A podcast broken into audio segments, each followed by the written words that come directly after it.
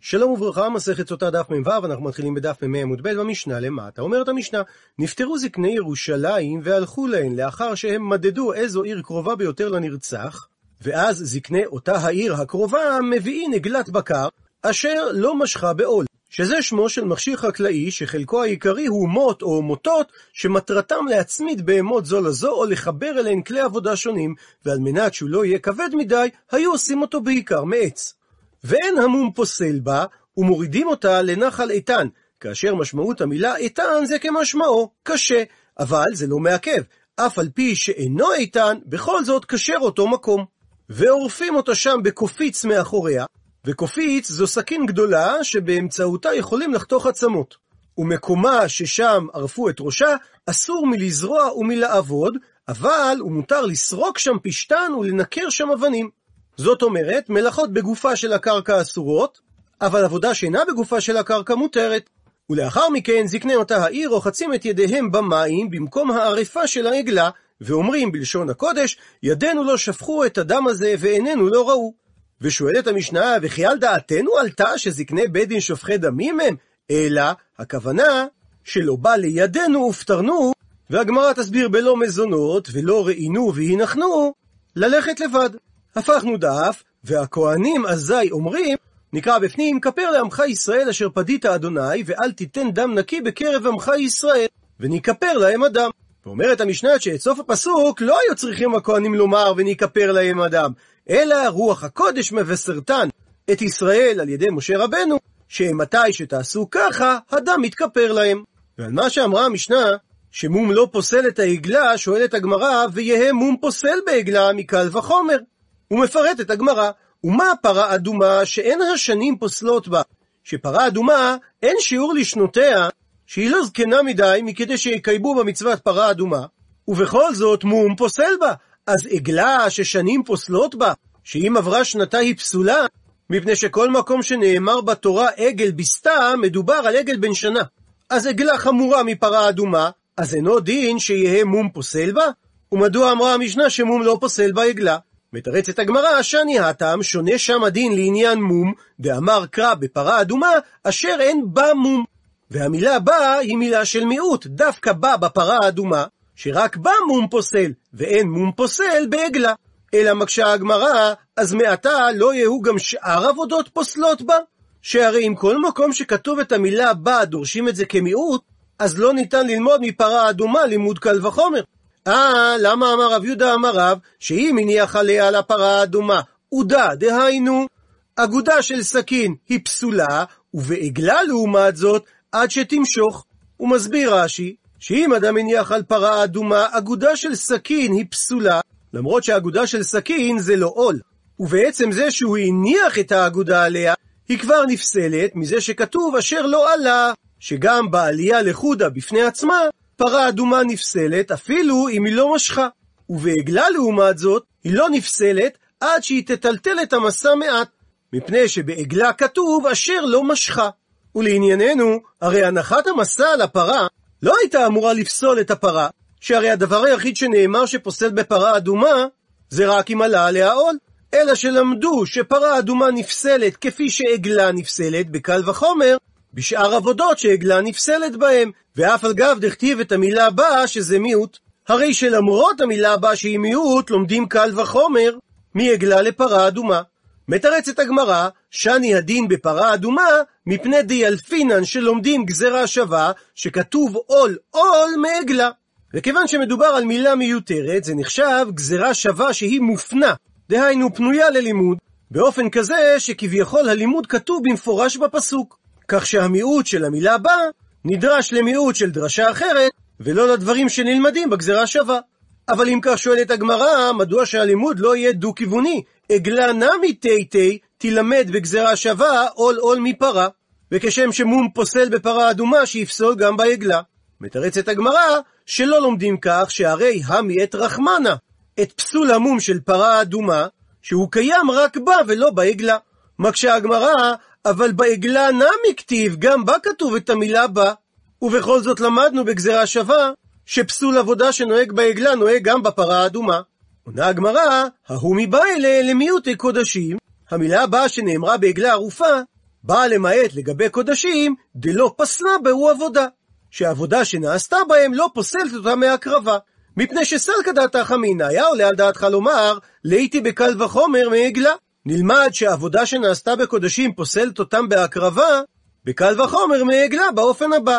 ומה עגלה שאין מום פוסל בה, ובכל זאת עבודה פוסלת בה, אז קודשים שהם חמורים יותר, שהרי שמום פוסלת בהן, אז אינו דין שעבודה פוסלת בהן? ולשם כך היה צורך במיעוט של המילה הבא בעגלה ערופה. מקשה על כך הגמרא, שאין צורך במיעוט מיוחד כנגד הקל וחומר הזה, שהרי איכא למפרח, יש אפשרות לפרוח את הקל וחומר הזה באופן הבא. מה לעגלה שכן שנים פוסלות בה? ובפרמטר הזה, עגלה יותר חמורה מקודשים, שאין שנים פוסלות בהן. דוחה הגמרא את הדחייה, עטו קודשים מליקא דפסלי בהו שנים? האם אין סוגי קודשים שבדיוק כמו עגלה, לאחר גיל שנה הם לא יכולים להיות קורבן, לדוגמה, קורבן פסח וקורבן חטאת, ולכן כי איצטריך קרא, הצורך במיעוט בא בפסוק לגבי עגלה ערופה, ולהנח קודשים דפסלה בהו שנים. שהרי לגביהם יכלנו לטעות ולומר את הקל וחומר, שעבודה פוסלת אותה מהקרבה. ממשיכה הגמרא ומקשה, וקודשים דלא פסלה בהו עבודה מהכה נפקא? האם הדין שעבודה לא פוסלת בקודשים נלמד מהמיעוט של המילה בא בעגלה? והרי מהתם נפקא, זה נלמד מזה שכתוב שבהמה שיש בה מום, אברת או שבור או חרוץ או יבלת או גרב או ילפת, לא תקריבו אלה לשם. הרי שיש כאן מיעוט של המילה אלה, אלה אי אתה מקריב, אבל אתה מקריב קודשים שנאבדה בהן עבודה. ואם כך, המיעוט של המילה בא שמופיעה בעגלה, אינה נדרשת כנגד הקל וחומר ללמד שניתן להקריב קודשים שנעשתה בהם עבודה. מתרצת הגמרא, איצטריך. בנוסף למיעוט של המילה אלה, צריך גם את המיעוט של המילה בא בעגלה, מפני שסלקא דעתך אמינא, יאול דעל דעתך לומר, הני מילי. מה שלמדה הברייתא מהמילה אלה, שמותר להקריב קודשים שנאבדה בהם עבודה, זה רק אחד, דאבד בהם עבודת היתר. אבל היכן שנאבדה בהם עבודת איסור, מסביר רש"י, כגון עבודה בשבת, או שחרשו בהם בכליים בשור וחמור יחדיו, אימה לי תאסרו, אולי נאמר שקודשים כאלו יהיו אסורים בהקרבה, לכן צריכה. היה צורך גם במיעוט של המילה בא בעגלה, שגם אם נאבדה בהם עבודת איסור, הם עדיין מותרים בהקרבה. מקשה על כך הגמרא, והנמי מאחה נפקא. אבל הרי גם הלימוד של ההיתר בקודשים למרות שנאבדה בהם עבודת איסור, אינו נלמד מהמיעוט של בא בעגלה, אלא מהפסוק הבא, שנאמר, ומיד בן נכר לא תקריבו את לחם אלוהיכם מכל אלה, כי מושכתם בהם מומבם לא ירצו לכם. ומהמיעוט של המילה אלה לומדים, אלה אי אתה מקריב, אבל אתה מקריב קודשים שנאבדה בהם עבודה. ומכיוון שיש לנו פעמיים מיעוט של המילה אלה, מאחד נלמד היתר לעבודת היתר, ומהשני נלמד היתר לעבודת איסור. מתרצת הגמרא, איצטריך, צריך גם את המיעוט של המילה בא בעגלה. מפני שסלקא דעתך אמינא, היה עולה על דעתך לומר, הני מילי, שתי הברייתו דיברו איך דאבד בהן בקודשים כשהן היו חולין. אבל אם אבד בהן כשהם כבר קודשים, אימה ליצרו. תאמר שיעשו להקרבה, לכן צריכה גם את המילוט של המילה בא מעגלה ערופה, שאפילו אם נעשתה בהם עבודה כשהם כבר היו קודשים, הם לא נפסלים להקרבה. וחוזרת הגמרא לגופה, בוא נדון בגוף הדברים שאמר רב יהודה אמר רב. אם הניח עליה, על הפרה האדומה, עודה, אגודה של סכין, היא פסולה, ובעגלה לעומת זאת היא לא נפסלת עד שתמשוך. ומקשה על כך הגמרא מיטיבי קושייה ממקור תנאי, שמה שנאמר בפרה אדומה, אשר לא עלה עליה עול, אומרת הברייתא, אין לי אלא עול שפוסל אותה, שאר עבודות מניין. עונה על כך הברייתא, אמרת קל וחומר. ומה עגלה ערופה שאין מום פוסל בה, ובכל זאת שאר עבודות פוסלות בה, אז פרה שהיא חמורה יותר, שהרי שמום פוסל בה, אז אינו דין ששאר עבודות פוסלים בה? ואם נפשך לומר דחייה כלשהי שהגמרא תפרט, אז נאמר כאן את המילה עול, ונאמר להלן את המילה עול. אז לומדים גזירה שווה, מה להלן שאר עבודות פוסלו בה, אף כאן בפרה אדומה שאר עבודות פוסלות. עד לכאן לשון הברייתא, ושואלת הגמרא, מהי הכוונה אם נפשך לומר? מבארת הגמרא, וכי תימה, ואולי היה עולה על דעתך לומר, שאיכא למפרח, שיש אפשרות לפרוח את הקל וחומר באופן הבא, שהרי מה לעגלה שהיא חמורה יותר מפרה אדומה, שכן שנים פוסלות בה. אינמי, או גם אפשרות נוספת לפרוח את הקל וחומר, שקודשים יוכיחו שלמרות שמול פוסל בהן, כך שיש בהם את אותו צד חומרה שקיים בעגלה, בכל זאת ואין עבודה פוסלת בהן. לכן אמרה הברייתא, נאמר כאן את המילה עול, ונאמר להלן את המילה עול, מה להלן? בעגלה ערופה שאר עבודות פוסלות בה, אף כאן בפרה אדומה שאר עבודות פוסלות בה. עד לכאן הסבר לשון הברייתא, ומקשה הגמרא מדברי הברייתא על דברי רב. וממקום שבאת, דהיינו על פי מה שלמדת בגזרה שווה מעגלה לפרה, ניתן ללמוד גם באופן הבא, מה להלן בעגלה עד שתמשוך, אף כאן בפרה אדומה עד שתמשוך. ומדוע אמר רב שבעגלה הפסול נוצר רק כאשר היא תמשוך ותעשה מלאכה, מה שאין כן בפרה אדומה, שהיא נפסלת כבר בעצם ההנחה. מתרצת הגמרא, תנאי היא. יש בדבר מחלוקת תנאים, דאיכא דמייטא לה מעגלה, ואיכא דמייטא לה מגופא דפרה. התנא של הברייתא אכן למד את הפסול של שאר עבודות בפרה אדומה מעגלה, אבל רב סובר את פסול שאר העבודות מהפסוקים שנאמרו בפרה אדומה דתניא, שכך שנינו בברייתא הבאה. עול שנאמר בפרה, אין לי אלא עול שהוא פוסל את הפרה האדומה. שאר עבודות מניין שפוסלות בה, תלמוד לומר אשר לא עלה עליה עול, מכל מקום. שכל מסע שהניחו עליה פוסל אותה. אז אם כן תשאל, מה תלמוד לומר עול?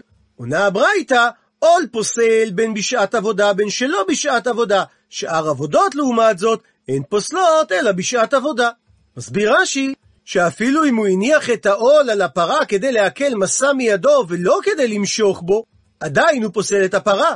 מה שאין כן שאר מסעות, רק אם הוא הניח אותם לצורך הם פוסלים את הפרה, אפילו אם היא לא ביצעה שום עבודה. אבל אם הוא הניח אותם באופן אקראי, כגון שהניח שק עליה, אבל לא כדי להוליכו, באופן כזה, אין הנחת השק פוסלת את הפרה. מקשה הגמרא, ואימה, ואולי תקשה, שהמילים אשר לא עלה עליה הם כלל, והמילה עול היא פרט. ואחת מהמידות שהתורה נדרשת בהם, שכאשר יש לי כלל ופרט, אין בכלל אלא מה שבפרט. זאת אומרת, עול אין, מידי אחרינה לא, שרק הנחה של עול אכן פוסלת את הפרה, אבל הנחה של דברים אחרים לא פוסלת. מתרצת הגמרא שהמילה אשר, שנאמר בפסוק אשר לא עלה עליה עול, לשון ריבוי ההוא, ולכן המילה אשר מבטלת את הלימוד של כלל ופרט. ותניא נמי גבי עגלה כי היי גבנה. ויש ברייתא שדרשה גם היא באופן דומה את הפסוקים לגבי עגלה ערופה, שנאמר לגבי עגלה ערופה, אשר לא משכה בעול, אז אין לי אלא משיכה בעול שפוסלת עגלה. שאר עבודות מניין שפוסלות בה, תלמוד לומר אשר לא עובד בה. שעבודה מכל מקום גם היא פוסלת בה. אז אם כן, מה תלמוד לומר את המילה עול דווקא?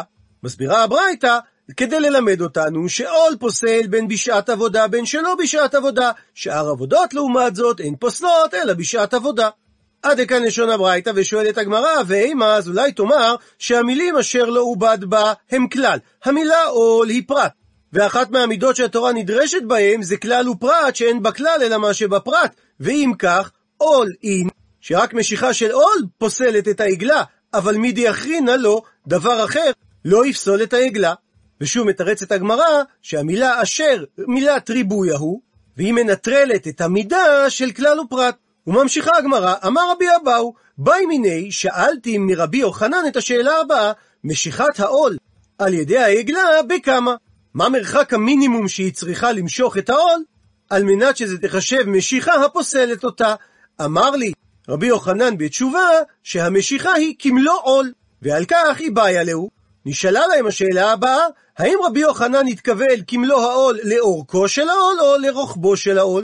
אמר להו ההוא מרבנן, ורבי יעקב שמי, לדידי מפרשה לימיני דרבי יוחנן, לי התפרש הדבר מרבי יוחנן בעצמו, שמשיכת העול היא לרוחבו של העול, שזה מרחק של טפח.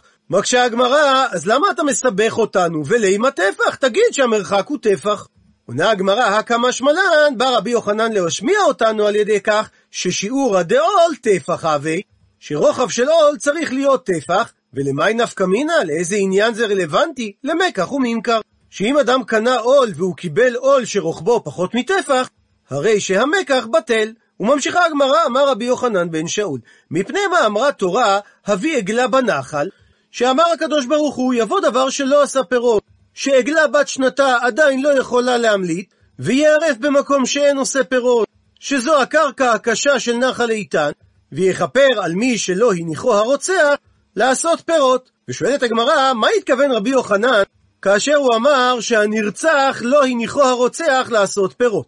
אילם, האם הוא התכוון שלא הניחו לו לקיים פריאה ורבייה, אז אם כך, אלא מעתה, כאשר הנרצח הוא הזקן והסריס, שאין בכוחם לפרוט ולרבות, אך הנמי דלא ערפינן? אז האם במקרה כזה נאמר שלא מתקיים דין עגלה ערופה? והרי זה לא ייתכן, אלא בהכרח, התכוון רבי יוחנן לומר, שהרוצח לא הניחו לנרצח לעשות פירות, הכוונה לקיים מצוות. ציטוט מהמשנה, ומורידים אותה אל נחל איתן, ואמרה המשנה שאיתן כמשמעו קשה.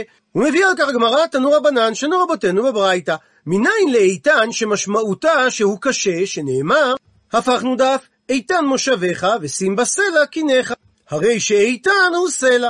ואומר פסוק נוסף, שימו הרים את ריב השם והאיתנים מוסדי ארץ, ומהתקבולת בין חלקי הפסוק משמע, שהאיתנים הם הרים, וכל הר של אבנים הוא. אחרים אומרים, מניין לאיתן שהוא במשמעות של ישן, שנאמר, פסוק בירמיה, גוי איתן הוא, גוי מעולם הוא. הרי שיש הקבלה בין המילה איתן למילה מעולם, ומכאן למדו אחרים, שאיתן זו משמעות של ישן. ציטוט מהמשנה, ועורפים אותה בקופיץ מאחוריה. מה היא טעמה? מה המקור לדבר? גמר את הדין הזה בגזרה שווה, עריפה עריפה מחטאת העוף, שבה כתוב ממול עורפו. ציטוט מהמשנה, ומקומה אסור מלזרוע ומלייבד. ומביאה הגמרא תנו רבנן, שנו רבותינו על הפסוק, והורידו זקני העיר ההיא את העגלה אל נחל איתן אשר לא יאבד בו ולא יזרע, וערפו שם את העגלה בנחל. ויש בדבר מחלוקת תנאים. אשר לא יאבד בו ולא יזרע, הכוונה לשעבר. זה דברי רבי יושיע. רבי יונתן אומר שהכוונה בפסוק זה להבא. ולפי מסורת הש"ס, אמר רבא שכך צריך להסביר את מחלוקתם. שבנוגע לאיסור עיבוד האדמה מכאן ולהבא, דכולי עלמא לא פליגה. אין מחלוקת וכולם מסכימים שהדבר אסור, דכתיב ולא יזרע, שזה ודאי במשמעות לשון עתיד, שלא כתבה התורה ואשר לא יזרע. כי פליגי, במה נחלקו רבי יונתן ורבי יושיע? לגבי ההבנה, האם לא היה עיבוד באותו מקום לשעבר, שרבי יושיע שסבר שמקום העריפה צריך להיות במקום שלא היה בו ייעוד לשעבר, מפני שמי כתיב? האם כתוב בפסוק לפי הגאות הבח ולא יאבד? שאז המשמעות הייתה משמעות עתידית, אבל עכשיו שכתוב בפסוק אשר לא יאבד, משמע לשון עבר, מה שאומר שעורפים את העגלה במקום שלא נאבד. ורבי יונתן לעומת זאת, דוחה את הדברים, שהרי מי כתיב אשר לא נאבד, שאז המשמעות הייתה לשון עבר. ורבי יושיע נענה על הדברים, שהמילה אשר לשעבר משמע, שאם היה כתוב רק לא יאבד, אז אכן היה משמעות עתידית לדברים. אבל עכשיו שיש תוספת של מילה אשר, בהכרח צריך להסביר שמדובר על לשון עבר. ורבי יונתן לעומת זאת לומד שתפקידה התחבירי של המילה אשר זה ריבוי ההוא. שהיא לא באה לציין זמן, אלא לרבות שגם שאר עבודות, מעבר לאיסור הזריעה שמוזכר בפסוק, גם הם נאסרו באותו מקום. ציטוט מהמשנה, ומותר לסרוק שם פשתן ולנקר שם אבנים. ולנקר הכוונה לסטט. ומביאה הגמרא תנו רבנן, שנו רבותינו בברייתא, על הפסוק אשר לא יאבד בו ולא יזרע. אין לי אלא איסור זריעה באותו מקום. שאר עבודות שאסורות שם מניין, תלמוד לומר אשר לא יאבד בו. שכל עבודה באשר היא אסורה מכל מקום. אבל אם כן נשאלת השאלה, מה תלמוד לומר, מדוע נקטה התורה דווקא ולא יזרע? עונה הברייתא כדי לומר לך, מה מלאכת זריעה מיוחדת, שהיא מלאכה שהיא בגופה של קרקע, אף כל מלאכה שהיא בגופה של קרקע אסורה. יצא סוג של מלאכה כגון סריקת פשתן וניכור אבנים שאינן בגופה של קרקע, שסוגי כמלאכות כאלה מותרות. עד לכאן לשון הברייתא, ומקשה הגמרא ואימה, אולי תאמר שהמילים אשר לא יאבד בו זה כלל. המילים ולא יזרע זה פרט, והרי יש לנו מידה שהתורה נדרשת בה, שזה כלל ופרט, ואין בה כלל אלא מה שבפרט. כך שמלאכת זריעה אין, אכן היא אסורה, אבל מידי אחרינה, כל דבר אחר לא יהיה אסור. עונה הגמרא שהשימוש במילה אשר מונע את לימוד המידה כלל ופרט, מפני שהמילה אשר לשון ריבוי ההוא. ציטוט מהמשנה, זקני העיר רוחצים ידיהם וכולי. ומביאה הגמרא, תנו רבנן, שנו רבותינו בברייתא על הפסוק, וכל זקני העיר ההיא הקרובים אל החלל, יחצו את ידיהם על העגלה הערופה בנחל. ואומרת הברייתא, שאין תלמוד לומר הערופה. הרי זו מילה מיותרת, שאנחנו יודעים שמדובר על העגלה הערופה. אז אם כך, ומה תלמוד לומר הערופה? מה זה בא ללמד? שעל מקום עריפתה של עגלה, זקני העיר רוחצים את ידיהם. וממשיכה הברייתא, מה שנאמר, ואמרו ידינו לא שפכו את הדם הזה ועינינו לא ראו, שואלת הברייתא, וכי על ליבנו עלתה שבית דין שופכים דמים? אלא לא בא לידינו ופטרנו בלא מזונות, ולא ראינו והנחנו בלא לוויה. ובהקשר הזה מביאה הגמרא תניא, שנינו בברייתא שהיה רבי מאיר אומר, כופין ללוויה, שכופים את בעל הבית ללוות את אורחיו, מפני ששכר הלוויה אין לה שיעור, שנאמר, בספר שופטים, כאשר בית יוסף הולכים לכבוש את העיר בית אל, ויראו השומרים איש יוצא מן העיר, ויאמרו לו, הראינו נא את מבוא העיר, ועשינו עמך חסד.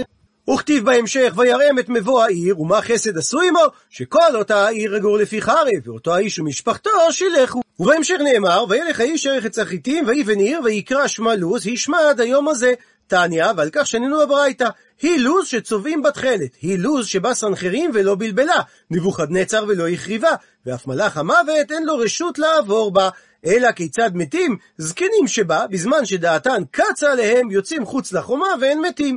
והלא דברים קל וחומר, ומה הכנעני זה שלא דיבר בפיו ולא הלך ברגליו, ובכל זאת גרם הצלה לו ולזרעו עד סוף כל הדורות, אז מי שעושה לוויה ברגליו, על אחת כמה וכמה. עד לכאן לשון הברייתא, ושואלת הגמרא, במה הראה להם? נחלקו בדבר. חזקיה אמר, בפיו עיקם להם, וכך רמז להם היכן מבוא העיר, רבי יוחנן אמר באצבעו הראה להם, ומביאה הגמרא סייעתא, תניא כבתי, ברייתא שאומרת, כפי שאמר דרבי יוחנן, בשביל שכנעני זה הראה באצבעו, גרם הצלה לו ולזרוע עד סוף כל הדורות. ועוד בעניין חשיבות ליווי האורחים. אמר רבי יהושע בן לוי, המהלך בדרך ואין לו לוויה יעסוק בתורה, שנאמר, כי לוויית חן הם לראשיך וענקים לגרגרותיך. ואמר רבי יהושע בן לוי, בשביל ארבעה פסיעות שליווה פרעה לאברהם, דהיינו שציווה שילוו אותו והליווי המינימלי זה ארבע פסיעות, והמקור לכך שנאמר, ויצב עליו פרעה אנשים וגומר, לכן זכה ונשתעבד בבניו של אברהם ארבע מאות שנה. שנאמר בברית בין הבתרים, ועבדום ועינו אותם ארבע מאות שנה, וזכה פרעה, וכוח העבודה הזה היה אצלו.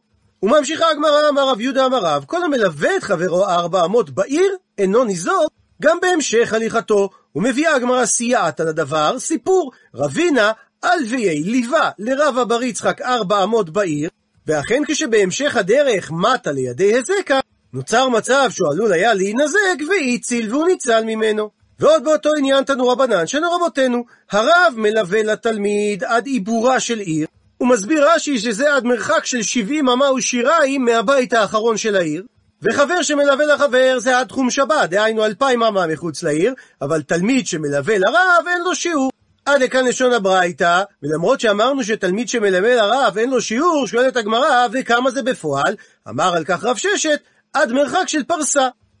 את הגמרא, ולא אמרן שזה עד פרסה, אלא כאשר מדובר שמלווה התלמיד רבו שאינו מובהק. אבל אם התלמיד מלווה את רבו המובהק, המרחק ליווי הוא עד שלושה פרסאות. ומספרת הגמרא, רב כהנא, אלוויי, ליווה לרב שימי בראשי, ממקום שנקרא פום נהרה, עד מקום שנקרא בית ציניתא דבבל, ששם היו גדלים דקלים. כי מתו הטעם, וכאשר הם הגיעו לשם, אמר להם, רב כהנא לרב שימי, ודאי דאמריתו הניצינתא דבבל, האם זה נכון מה שאנשים אומרים שהדקלים הללו משני אדם הראשון יתנאו? שהם ישנם כאן מאז שנותיו של אדם הראשון? אמר לו רב שימי, עד קרתן מילתא. הזכרת לי את הדבר דאמר רבי יוסי ברבי חנינא, מהי דכתיב? פסוק בירמיהו, בארץ לא עבר באיש ולא ישב שם אדם. וקשה לשון הפסוק שהרי, וכי מאחר שלא עבר שם אדם, אז היכן ישב? אלא שהפסוק מדבר על אדם הראשון. ארץ שגזר עליה האדם הראשון ליישוב נתיישבה, ארץ שלא גזר עליה האדם הראשון ליישוב לא נתיישבה. ועל דרך זה צריך להסביר את מה שאנשים אומרים, שהדקלים הללו גדלים במקום הזה, כי אדם הראשון גזר על המקום הזה ליישוב. וסיפור נוסף, רב מרדכי אלוויי ליווה לרב אשי ממקום שנקרא הגרוניה ועד מקום שנקרא בי כיפי. ואמר לה, ויש אומרים שליווה אותו עד מקום שנקרא בי דורה. ועוד באותו עניין אמר רבי יוחנן משום רבי מאיר, כל שאינו מלווה ומתלווה, כלומר נמנע מללוות אחרים ומונע אחרים מללוות אותו, כאילו שופך דמים. והוכחה לדבר שאילמלא, במשמעות שאם כן, ליווהו אנשי יריחו לאלישע, לא גירה דובים לתינוקות, שנאמר, ויעל משם בית אל, והוא עולה בדרך, ונערים קטנים יצאו מן העיר והתקלסו בו, ויאמרו לו, עלה קרח, עלה קרח. מה זאת אומרת? אמרו לו, עלה מכאן, שהכרחת עלינו את המקום. הוא מסביר רש"י שאלישע, על ידי שהוא תיקן את המים הרעים שהיו ביריחו, הוא פגע בפרנסתם של אותם נערים, שעד אז היו מספקים מים טובים ליריחו. וממשיכה הגמרא, מהי הכוונה ונערים קטנים? האם הם נערים או קטנים? עונה על כך, אמר רבי אלעזר, שהם נקראו נערים מפני שמנוערים מן המצוות, והם נקראו קטנים מפני שהיו מקטני המנה, שהאשימו את אלישע בפגיעה בפרנסתם, ולא ידעו שכאשר השם סוגר לך דלת, הוא פותח לך חלון. ומביאה הגמרא פירוש אחר, תנא, ששנינו בברייתא, נערים היו מבחינת הגיל, ובזבזו עצמם. דהיינו, זלזלו בעצמם, מפני שהתנהגו כקטנים. מה התקיף לה מקשה על כך אבי יוסף? ודילמה, ואולי הם אכן היו קטנים, ונערים הם נקראו על שם מקומן, שהרי מי לא כתיב בספר מלכים, וארם יצאו גדודים, וישבו מארץ ישראל נערה קטנה, וקשיא לנה לשון הפסוק, איך היא יכולה להיות מצד אחד נערה, ומצד שני וקטנה? ואמר על כך רבי פדה, שהיא הייתה קטנה בגיל, והיא הגיעה דמין מקום שנקרא נאורן. אז על אותו משקל שואל רב יוסף, מנוע שלא נאמר, שהם היו קטנים בגיל, וגם הם הגיעו מהמקום שנקרא נאורן. מסבירה הגמרא, הטעם, שם לגבי הנערה לא מפרש מקומה, לעומת זאת הכה, לגבי הנערים מפורש מקומן, שהרי כתוב שהם יצאו מהעיר. ואגב כך, ממשיכה הגמרא לדרוש גם את הפסוק הבא. כתוב, ויפן אחריו, ויראם ויקללם בשם אדוני, ותצאנה שתיים דובים מן היער, ותבקענה מהם ארבעים ושני ילדים.